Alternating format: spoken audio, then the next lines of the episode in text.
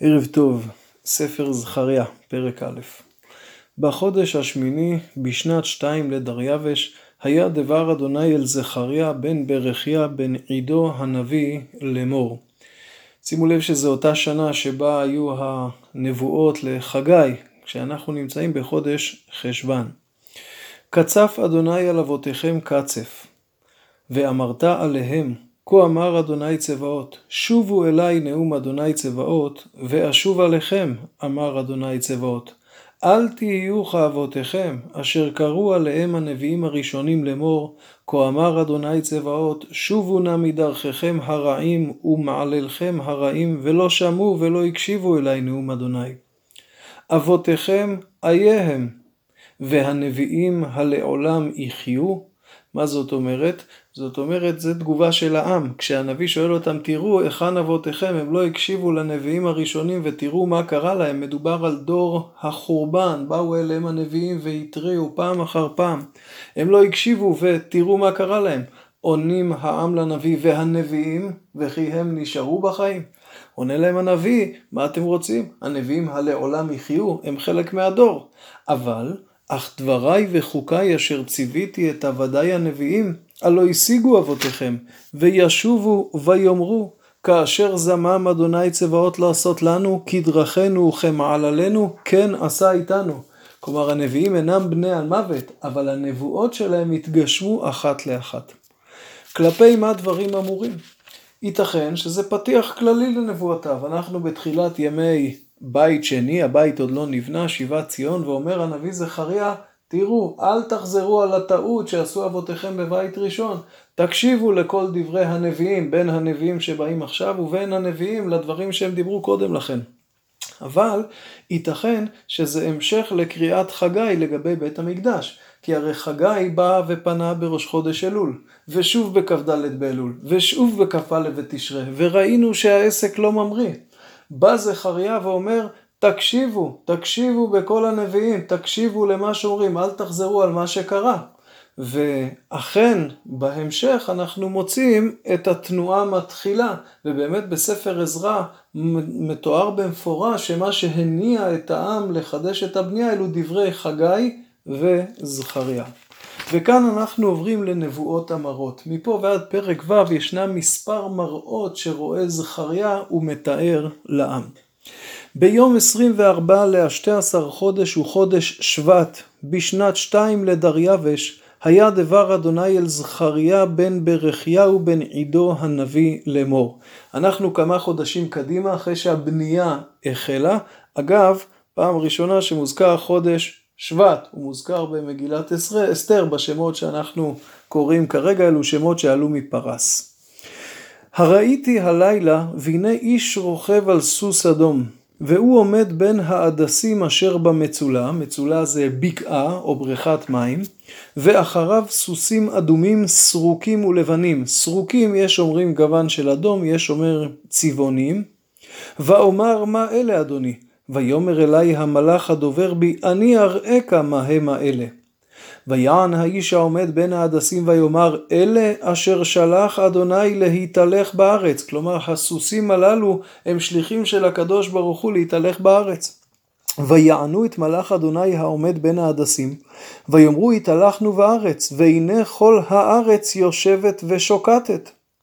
ויען מלאך אדוני ויאמר, אדוני צבאות, עד מתי אתה לא תרחם את ירושלים ואת ערי יהודה אשר זעמת זה 70 שנה? זאת אומרת הארץ יושבת ושוקטת זו לא בשורה טובה. הכוונה היא הגויים כולם יושבים בבטחה בעוד שעם ישראל עדיין בגלותו.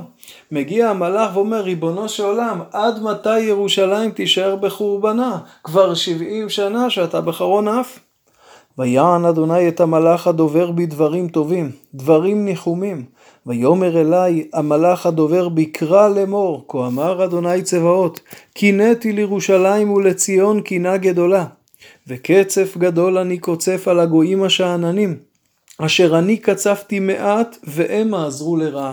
זאת אומרת, אני הולך לקנא לירושלים ולנקום בגויים על מה שהראו לישראל. נכון, הקדוש ברוך הוא גזר את החורבן על ישראל, אבל אני קצבתי מעט והם עזרו לרע, הם הרבו להרע ולכן יגיע זמנם. לכן כה אמר אדוני, שבתי לירושלים ברחמים, ביתי ייבנה בה, נאום אדוני צבאות, וקו יינטע על ירושלים, קו של בנייה, החומה תיבנה מחדש. עוד קרא לאמור, כה אמר אדוני צבאות, עוד תפוצנה ערי מטוב, וניחם אדוני עוד את ציון, ובחר עוד בירושלים. יש הרואים פה שתי נבואות, שני שלבים. זאת אומרת, נבואה ראשונה, אני ישוב לירושלים ברחמים, זה הולך לקרות עכשיו. הנבואה השנייה היא לעתיד לבוא, עוד תפוצנה. כלומר, אתם תפוצו, הבניין עכשיו לא יהיה לעד, אתם תצאו לגלות, ושתחזרו משם, אז תהיה הנחמה העתידית. קשה לומר שאת זה הוא מבשר להם עכשיו בזמן הבנייה, ולכן הפרשנות האחרת היא עוד תפוצנה ערי מטוב, כרגע ירושלים מתחילה בקטן, אבל היא עוד תתפוצץ מרוב תושבים, היא תתרחב מרוב תושבים. וייתכן, כפי שאמרנו פעמים רבות, ששתי המשמעויות מקופלות. הם שומעים את עוד תפוצנה, ואם לא יזכו לזה בבית שני, זה יקרה לעתיד לבוא. בכל מקרה, בטרם נבאר את המראה עצמו, נקדים ונאמר, הראשונים אומרים שהמראות של ספר זכריה הם מראות של חידה. רש"י אומר נבואת זכריה סתומה היא מאוד. חלק מהראשונים אומרים שהסיבה לכך היא כתוצאה מהתמעטות הנבואה. זאת אומרת, זה שאנחנו בסוף ימי הנבואה, אז חלק מהנבואות באות בצורה חידתית. אם משה, שזה שיא הנבואה, זה מראה ולא בחידות, אז פה זה בחידות. הראשונים הציעו מסבר ביאורים פה למראה, אנחנו נלך בעקבותיו של רש"י. וכך אומר רש"י, הסוסים האדומים באים, האדום מבטא את הנקמה של הקדוש ברוך הוא בגויים. זאת אומרת, שלוות הגויים מעלה זעקה. מה קורה? עם ישראל עדיין, אומנם נכון, חוזרים בחזרה, קיבלו את ההיתר, אבל הגויים יושבים בשלווה. איפה כל הנבואות, נבואות הנחמה הגדולות של ישעיהו ועוד, ניבאו בזעזוע שיקרה בגויים ובשיבת ציון בתפארתה. זה לא קורה פה. אומר להם הקדוש ברוך הוא זה עוד יקרה, קצף אני קוצף על הגויים, בבל כבר נפלו, גם פרס עתידים ליפול וכן הלאה. ירושלים תיבנה ותיכונן מחדש. ושוב, בהתחלה בקטן ואחר כך זה ילך ויתרחב. הנקודה הזאת היא מאוד מאוד חשובה. מדוע?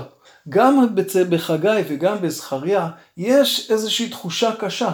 כלומר, נבואות הגאולה והנחמה של ישעיהו ושאר הנביאים הן כל כך גדולות, ושיבת ציון היא קטנה, היא מצומצמת, הרוב נשארו בבבל, עלו מעט, גם אלה שעלו זה בחסות פרסית, ונכון, חזרנו, אבל הם שואלים את השאלה, זאת הגאולה שלה ציפינו? לזה ייחלנו?